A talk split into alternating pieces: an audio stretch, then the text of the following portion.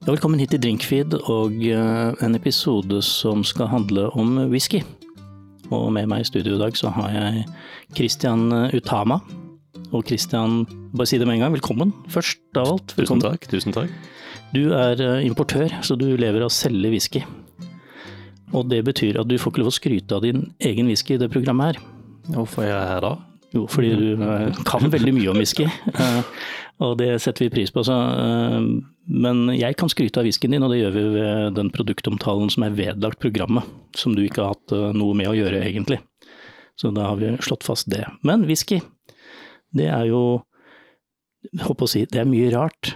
Men det er enda mye rarere det som er tilknytta whisky. Hva folk løper rundt og hører og tror, alle legendene og mytene rundt det. Så det kan vi snakke litt om i dag, tenkte jeg. Det kan vi. Altså, man, man, man har jo opp gjennom årene fått uh, noe kunnskap som er korrekt. Men alle, alle brands, alle whiskydestillerier som er merkevarer, de, de lever jo av å selge historier. Eh, historier selger, selger eh, drikke. Det, uansett om det er øl eller vin eller brennevin, så, så liker vi jo å høre om, om sånne solskinnshistorier, glansbilder om uh, whiskydestilleriet langt inne i skogen med den rene vannkilden fra, fra en innsjø, som jo ikke har en dritt å si for sluttproduktet. Nei, det, det er et bra sted å begynne, da, med vannet. for liksom, Det er jo starten på alt. Jeg har jo lært at eh, det skal være kilden klar og ren, og det skal være eh, fossefall. Og det, vannet, og, og det vannet eh, du bruker i whiskyen er 100% avhengig, eller det er det, er, det er det som gjør whiskyen.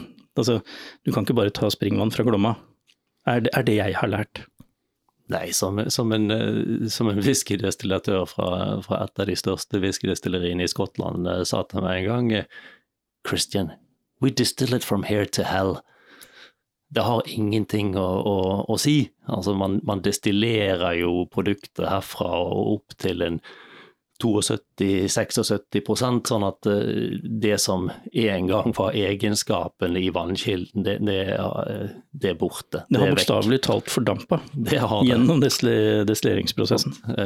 Kanskje kroneksempelet på, på, på, dette er jo et romdestilleri i, i USA som jo bruker sumpvann. Ja. Så, som er alt annet enn rent i det utgangspunktet. Det høres jo ikke så veldig appetittlig ut, men, men ja. det, det, filtreres, og så derfra så destilleres det jo uh, herfra til helvete. Sånn at uh, egenskapene ved sumpvannet, som jo ikke var så mye å trakte etter i utgangspunktet, de er forsvunnet. Altså det er blitt rent. På samme måte som det, om du har et mineralrikt vann i utgangspunktet, så har det fryktelig lite å si for, eh, for eller kanskje ingenting, å si for sluttproduktet som først er destillert herfra til helvete, og så, og så lagret på, på fat i minimum to år, hvis det er whisky. Så hvis noen sier til meg eller til folk at ja, du kan godt ha en, et par dråper vann i whiskyen din, så lenge det vannet er fra den samme kilden som whiskyen er destillert på, så er det egentlig bare eventyr. Altså, jeg er jo blant de som ikke liker å putte vann i whiskyen min. Whisky, særlig whisky som er gjerne er på 40% er jo allerede vannet ned på destilleriet. Men, men soleklart at hvis man er vant til å drikke øl, eller er vant til å drikke mest vin, så er jo alt som nærmer seg 40% og gjerne i whiskyverdenen også går langt over 40% så, så uh, er det soleklart at det vil hjelpe å frigjøre og tilgjengeliggjøre smaker som man gjerne mister litt av da, av den høye alkoholprosenten. For min del som, som lever av å selge brennevin, og ergo gjerne smaker mye brennevin, og mer brennevin enn en kanskje hvermannsen, da, så er det soleklart at min gan er tilvendt den høye alkoholprosenten. For min del så vil det være det motsatte. Jeg vil ha større problemer med å finne finere smakstoner på en vin, f.eks., der smaksbildet er, er, annerledes, man har en lavere alkoholprosent. Så uh, akkurat som alt annet du skal sette deg inn her i verden, så er det, det er tilvenning, og det er øvelse, og det er trening. og det, det, kan vi kanskje komme litt mer tilbake til, men jeg vil gjerne snakke litt mer om disse, mytene som er skapt rundt whisky, hva som er sant og ikke sant. For eksempel Eh, hvis du har et uh, destilleri som ligger nede ved, ved, sjøen, så vil du få et uh, sjøpreg, et saltpreg, du lukter en rent tang, og du hører måkeskrik når du åpner flaskene og sånn. De smakstonene kan kan man jo ofte finne i, i, i mange whiskyer, men der er, nok, der er nok beliggenheten av destilleri eller lagringshall forsve, altså Betydningen av hvor man har laget whiskyen, uh, har ingenting å si med det maritime. Uh, det er ikke som om sjøvannet mirakuløst kommer opp fra havet, tusler over steinene i fjæren og siver inn på gjennom to meter tjukke murvegger på et lager og ned i whiskyfatene. Smakstonene kommer fra helt andre steder. Vi har jo allerede snakket, blitt enige om at uh, greit, vann, vannets uh, opprinnelse hadde fryktelig lite å si. Og så er det jo noen whiskyprodusenter som, uh, som liker å snakke om kvaliteten på, på kornet sitt, stort sett hvete som brukes, og hvilken hvete som er brukt, om det er vinterhvete eller sånn og sånn familie av hvetesortene. Har jo heller ikke så veldig mye å si, fordi at man destillerer jo igjen herfra og opp til 72-76 eh. Ja, vi, vi, snakker om at man egentlig lager øl først. Det er, på en måte første, første trinn. Så du, du, har jo vann, og du har eh, korn, og du har uh, ymse andre ting. Og så har du gjær. Og gjær begynner, da begynner det kanskje hjelpe ja, litt. Altså, når vi kommer til gjær, så har jo det, det en betydning. Altså hvilken gjærtype man bruker. Uh, bruker man chardonnay-gjær på til å, til å, sette i gang fermenteringsprosessen, så, så, vil det gi noen smakstoner som du ellers ikke ville hatt. Men ellers på fermenteringsprosessen så har jo altså hvor lang tid man bruker, og hvor lang tid man, man lar ølet gjæres, har mye å si. Og man vil ikke la det gjære lenge, helst, fordi du har litt dårlig tid når du holder på med dette her? Ja, altså man, man, eh, man eh, vil jo helst ha det ferdig destillert og få lagt det på fat eh, raskest mulig. Eh, sånn at eh, det kan stå der i noen år eh, før du skal selge det. Det er dyrt nok i, utgangspunktet. Men det er jo soleklart at hvis man er ferdig å gjære på et døgn, så er det vesentlig billigere enn å la det gjære i tre døgn. Men for de som har laget øl, og for de som lager whisky også, så vet man det at det er i de siste 24 av 72 timer gjerne man, man frigjør de sånn voldsomt fruktige esterne som, som, som, eh, setter smak på det ferdige produktet. Altså du får rett og slett et fruktigere destillat hvis du langtidsfermenterer, hvis man kan bruke et, et sånt begrep. Så har vi lagd ølet. Ølet er der, og så går det inn i eh, destillasjonsapparatet, og så, og så blir det, som vi nå har uh, slått fast, destillert til, uh, til ditt uttrykk, da, til, til, et varmt sted der nede. Og det er jo etterpå, den spriten som tyter ut da på rundt 72-74% som, som er whiskyen, men den er ikke blitt whisky ennå, nå er det bare råspriten. Men, men, nå kommer vi opp på noe som virkelig betyr noe for sluttproduktet, og det er jo den skal jo tappes på et eller annet fat. Ja, altså, Destilleringsapparatet har jo også noe å si. Soleklart. ikke sant? Har, har du et uh, veldig høyt uh, og langt destilleringsapparat, uh, har du et destilleringsapparat med, med en rett nakke eller en, en, en bøy på nakken, altså en svanenakke, vil ha noe å si. Altså, det vil ha noe å si mye for sånn hvor oljete destillat man får. Og det har selvfølgelig noe å si for smaken. Så, så type destilleringsapparat vil, vil, ha noe å si. Eh, men uh, igjen, uh, om, om destilleriet ditt ligger i fjæresteinen, så ja, det frykt, det er glansbildet produsentene liker å gi. At, at, man har gjerne laget en whisky som, som står i stil med hvor, eller hvordan omgivelsene til destilleriet er, men det er ikke dermed sagt at uh, whiskyen smaker sånn fordi den er derfra. Det kan like gjerne ligge et lager, ligge et lager oppå Sjusjøen eh, og fortsatt ha en aroma fra, fra Kristiansand eh, skjærgård. Ja, altså det norske vinmonopolet laget jo eh, sitt brennevin på Haslevangen i sin tid. For de som er godt kjent i Oslo, ca. et et sånn Finnmark steinkast under Carl Berners plass. Ja, ikke sant. Ja, det, ligger, det lå midt på Oslo øst, uh, litt, litt oppi der. Ja. Uh, og du skulle være ganske Du har mye fantasi for å høre bølgeskvulp og måkeskrik der eh, den gangen. Men eh, lagringen betyr mye. Lagringen har selvfølgelig mye å si. Det, det er jo det som er mesteparten av tiden Whiskyen Altså mesteparten av produksjonstiden er jo lagringen. Ja, for, altså, det, blir, det blir vel ikke whisky før den har ligget på fatet i er det to år? Ja. Og så eh, alt etter det er det jo bare fortsatt whisky, men da kan man begynne å porsjonere ut eh, etter alder, og det, det kan vi jo komme tilbake til, det også. Men det som er litt, eh, litt spennende, er jo eh, disse forskjellige smakstonene som kommer fram. Da. Man vil jo gjerne ha noen skal ha det så røyket som mulig. Jo, hvis du begynner med det, så vil du fort oppdage at whisky egentlig ikke er så godt, hvis du starter på noe som er voldsomt røyka. Ja, så Det kommer an på om du, om du drikker whisky fordi at du vil ha hår på brystet ja, det, og skal tøffe deg litt for kompisene, eller om du skal drikke whisky fordi at det er godt. Eh, For oss som har kommet litt opp i årene, det er jo ikke noe hemmelighet at eh, begge som sitter her, eh, har, har passert eh, alderen hvor eh, man har fått både hår eh, på brystet og i ørene. Har vel fått det håret vi skal ha, Holbe. Ja, Vi er vel på snart reversen. Eh, Så, så er det soleklart at man drikker mest whisky fordi at man synes det er godt. Og da er ikke nødvendigvis sånn at eh, røyka whisky er dårlig, men det er jo, det er jo en, en, en smakssak. Og så er det, det er ikke nødvendigvis sånn at de kraftigst røyka whiskyene er det naturlige oppstartspunktet, da. Det ja, for det handler jo om tilvenning, som vi sa. soleklart.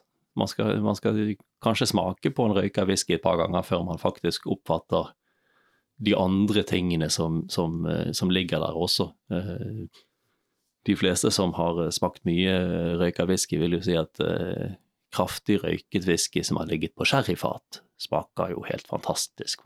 Den kombinasjonen er så, er så unik og, og eh, så god. Fordi at eh, mesteparten av det gikk ut et stykke under han stol at mesteparten av eh, skotsk whisky er jo lagret på gamle bourbonfat. Ja, det er, det er, det har, vi har ikke kommet helt dit ennå på fatbruken, men for det finnes jo en, en himmelens hærskare av forskjellige fat og kombinasjoner, og du kan legge på ett fat først, og så på et annet, og så får du singel og dobbel og trippel kask øh, produkter. Men hvis vi skal gå inn på den veien, så blir vi jo sittende her i dag, egentlig. Men det, det er er flere dager. ja. Jeg, jeg tenkte, jeg, jeg har gravd i kjelleren, og så har jeg fisket fram en øh, flaske som Jeg tenkte vi skulle smake på to whisker. Mm. En som har en eh, håper å si litt, kanskje litt utradisjonell eh, smak i forhold til hva folk flest tenker på. Eh, og så skal vi ta en litt mer tradisjonell eh, røyka variant etterpå. Men jeg tenkte vi kunne begynne med den uh, Loch Lomond eh, som står foran deg nå. Så kan du få lov å helle opp, siden du har hendene fri og jeg holder mikrofonen i den andre hånden. Lachlomen Inchmarin 12. Du burde hatt sånn klukkeflaske, sånn som man har sånn man virkelig lager god lyd. Her får jeg en sånn veldig fruktighet. Altså, det, dette, dette kunne like gjerne vært eh, eh, et fruktbrennevin. Første gang jeg luktet på den her, sånn, så tenkte jeg hm, whisky, du. Kan, Altså, kan, det, kan det lukte sånn? Det er ikke noe sånn Den kommer ikke opp av glasset og gir deg en rett høyre og en eh, glass of kiss, og så er du liksom eh, bevisstløs. Det, det gjør den ikke i det hele tatt. Dette, er jo en ja, veldig fruktdrevet Dette er jo en fruktdrevet whisky som, som har uh, fermentert i, i rundt 72 timer. Så fruktigheten kommer da i hovedsak fra et fruktig destillat som er fruktig av denne langtidsfermenteringen. Ja, ølet her har fått lov å gjære en stund, Ja. rett og slett. Og da får du en, ja, det jeg ville sagt en behagelig dessertwhisky, nesten. Altså, eh, hvis jeg skulle brukt den til noe sånn annet enn å bare sitte og kose meg med, så ville jeg, ville jeg sagt denne, denne burde jo kunne lett gå til søtere ting å spise. Kake, for eksempel. er det veldig fint. Kake, altså her kan jo nesten eh, gå mot ost, til og med. Ja, det vil jeg tro. Sant? Du har litt sånn eh, eple, pære, nesten kiwi-toner. Litt kiwi. Der, der, er, jeg har lyst, på, lyst til å si sånn apsikat. Sånn derre ymse sitrusskall som er sylta. Ikke sant? Mm, Veldig spennende. Skal Kristian få lov å smake først, siden eh, jeg da må snakke? For det blir veldig kjedelig å høre på, høre på bare en som sitter og slurper. Hva tenker du? behagelig lettdrikkelig. Altså lett tilgjengelig og lett å forstå. Det er flytende frukt. Den er smooth, den er eh, trivelig. Jeg kunne sagt det litt lenger opp i Midt-Norge. Trivelig. Og for oss som eh, kommer fra en vinverden, så har du en veldig lang ettersmak som utvikler seg hele tiden. Og det, det er noe jeg har lært å sette pris på opp gjennom årene. Du kjenner jo at det har ligget på eik. Ja, eiken er jo der, fatet er jo der, men det skal det jo være.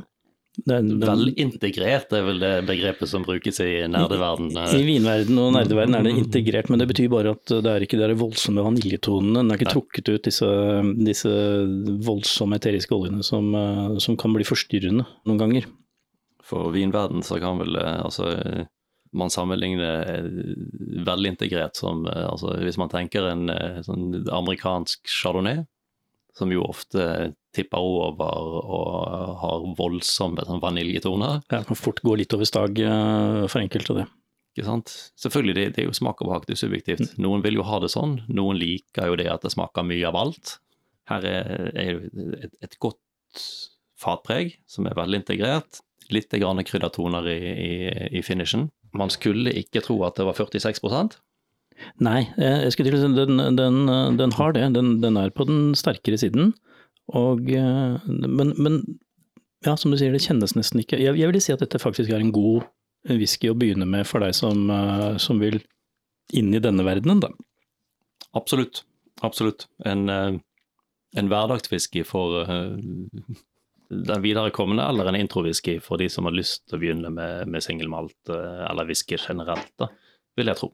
Nå skal vi over på, for dere som eh, har lyst på hår på brystet, eller eh, faktisk har lært dere å like litt mer har du ønsker å oppleve skal vi si, et røykpreg, så, så gravde jeg fram denne. Den er ikke ukjent i polhyllen i det hele tatt. Uh, Highland Park er ganske velkjent. De er fra Orkenøyene, og er jo kjent for, for røyk mye. Ikke voldsomt mye. altså det som, De har jo et, et klart røykpreg på sine whiskyer. Men uh, igjen så har jo typen torv man bruker Altså røy, røyktonene, kom, røyktonene kommer jo fra, fra, torvbruk. Fra torven når de, når de tørker. Tørker og malter og holder på med kornet sitt. Så er jo hvilken type torv man bruker, eller om man bruker torv i det hele tatt. Ikke sant? Eh, I Irland så lufttørker man jo kun. Da får man whiskyer som ikke har noe røykinnslag i det hele tatt. I Skottland så bruker mange torv til, til å um, tørke under maltingsprosessen. Ja, altså, det, er, det er et røykpreg her, men jeg kjenner også flere typer frukttoner bak her. Hvis vi skal tolke det jeg lukter, så er, så er det så også i utgangspunktet en fruktig whisky, bare at den har et uh, lokk av røyk. Absolutt. Her har man jo uh, brukt sherryfat. Ja, for nå er vi inne på det igjen, altså hvordan type fat det har ligget på. Og jeg vet jo at uh, dette med fathandel er jo nesten like stort som uh, selve whiskyhandelen. Det, det, det, å, det, å, kjøpe opp og få tak i riktig type fat. Fordi når man lager sherry i Spania, så bruker man uh, ubrukte fat, da er det nye fat. Og sherryen ligger og lagrer på. Og når den har ligget lenge nok, så kan den ikke bruke det fatet igjen. Da må man ha en ny batch med nye fat. Og da selger man, da har det fått en verdi, så de Eh, de f.eks. Eh, whiskyhusene rundt omkring, de, de, er på jakt etter den type fat. Ja, fordi at du kan si at eh, et, et sherryfat gir jo helt andre smakstoner enn et bourbonfat. Og så er det en ul... altså mye, det meste av sherry lagres jo også på europeisk eik, som har andre kvaliteter enn amerikansk eik, som man bruker på bourbonfat. Ja, Vi kommer tilbake til dette med fat i et annet program, da vi bare skal snakke om det. Men det er så viktig, så jeg er nødt til å ta det med nå. fordi eh, det, du og jeg sitter og lukter og skal smake på nå, Kristian, det er jo det rent, eh, det er et resultat av hvilket fat som er brukt. rett og slett. klart. Og det, da har vi igjen liksom noe av, av, av, det som eh, faktum setter smak, altså hvilke type fat det har ligget på, mot det som bare eh, bullshit, kan man si. Men hvorfor, hvorfor kan jeg bryte her, hvorfor er det en myte Hvorfor er mytene så annerledes? Altså, det hadde vært mye morsommere å ha hørt om reisen til fatet og hva det har gjort. Det burde vært et mye mer eh, kan jeg si, historie, historien rundt akkurat det produktet du drikker, enn eh, gøyale historier om rent, klart vann og, og alt mulig annet rart. Ja, det er et godt spørsmål, men man skal jo selge et produkt. Og så det klart at uh, man selger jo ikke Colgate tannpasta på å fortelle om uh, Om tankene ligger på meg, veien, uh, veien tannpastaen har hatt inn i tuben, men man selger tannpasta med å forklare hvor mange tannleger som har anbefalt denne, og, og hvilken effekt tannpastaen har, ikke sant. Og, og man selger jo faktisk ikke heller whisky på hvilken, eh, hvilke smakstoner eh, denne har. Man selger jo whisky på historien om, om, grunnleggeren, og alle ønsker å ha det eldste whiskyhuset. Eller eh, i, i, våre dager så er jo myten om at uh, små destillerier lager mye bedre whisky enn store destillerier. Ja, men gjør de ikke det, da? Det er jo noe alle vet. At uh, han ene fyren som har uh, arvet et gammelt, uh, en gammel kjeller med en sånn rusten maskin inni, at det, det er veien å gå?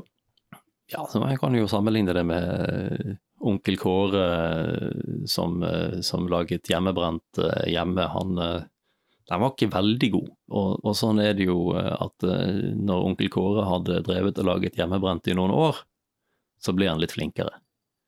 Og da var han gjerne så flink at eh, naboene kom for å kjøpe, kjøpe satsen hans eh, fordi han var blitt så flink. Og sånn er det jo med, med mange av de store eh, merkevarene der ute. De har jo blitt store fordi at de er flinke. Og det er ikke, ikke dermed sagt at small batch eller nye destillatører ikke kan komme til men ikke nødvendigvis noe bedre eller flinkere enn de som har holdt på med dette i årtier. Vi kan vel slå fast at de store destilleriene har en mer konsistent uh, kvalitet på det de leverer.